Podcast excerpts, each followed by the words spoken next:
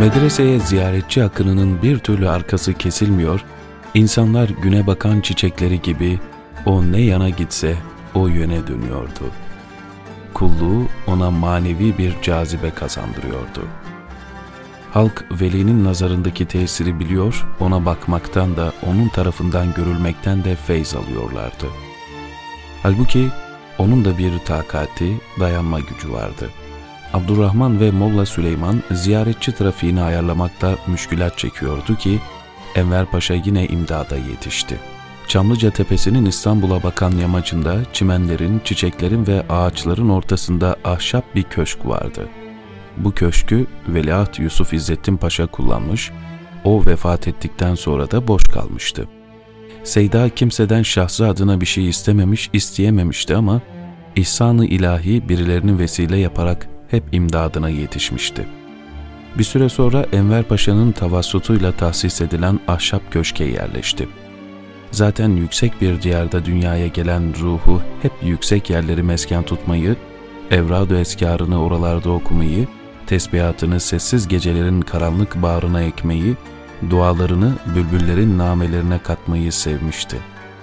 Köşk müstesna bir ruh inceliğinin eseriydi.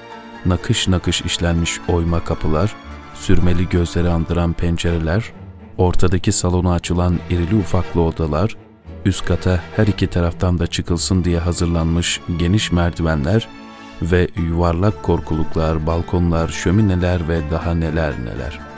İç balkonlardan veya pencerelerden bakıldığında boğaz masmavi bir inci gibi tebessüm ediyordu. Bahçede çam ve çınar ağaçlarıyla salkım söğütler ve büyük bir çardak vardı. Taş döşemeli patika yollar çimenler arasında gezinmek için yapılmıştı bahçe sınırına ve yol kenarlarına çeşit çeşit çiçekler ekilmişti. Teneffüs ve istirahat için fevkalade müsait bir mekandı.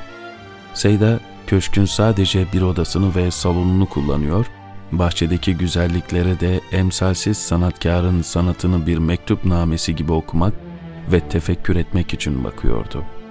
Yoksa ne basarı ve ne de basireti bunları görebilecek durumdaydı. Vatan yanıyor, vatan evladı yanıyordu.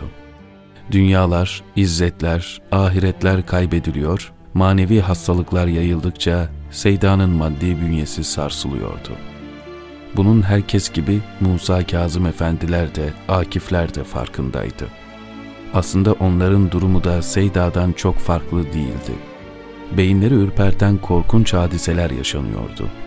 Kimi bunalıyor, bütün dünyaya küsüyor, kimi afakı zulmet ve karanlık görüyordu.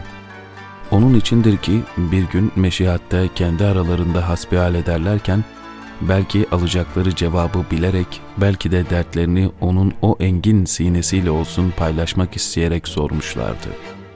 Neden bu kadar sarsıldınız diye. Ben kendi elemlerime tahammül ettim diyordu Seyda. Fakat İslam'ın elemlerinden gelen ızdıraplar beni ezdi.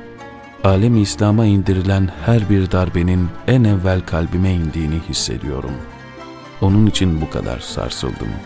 Fakat bir ışık görüyorum ki o elemleri unutturacak inşallah.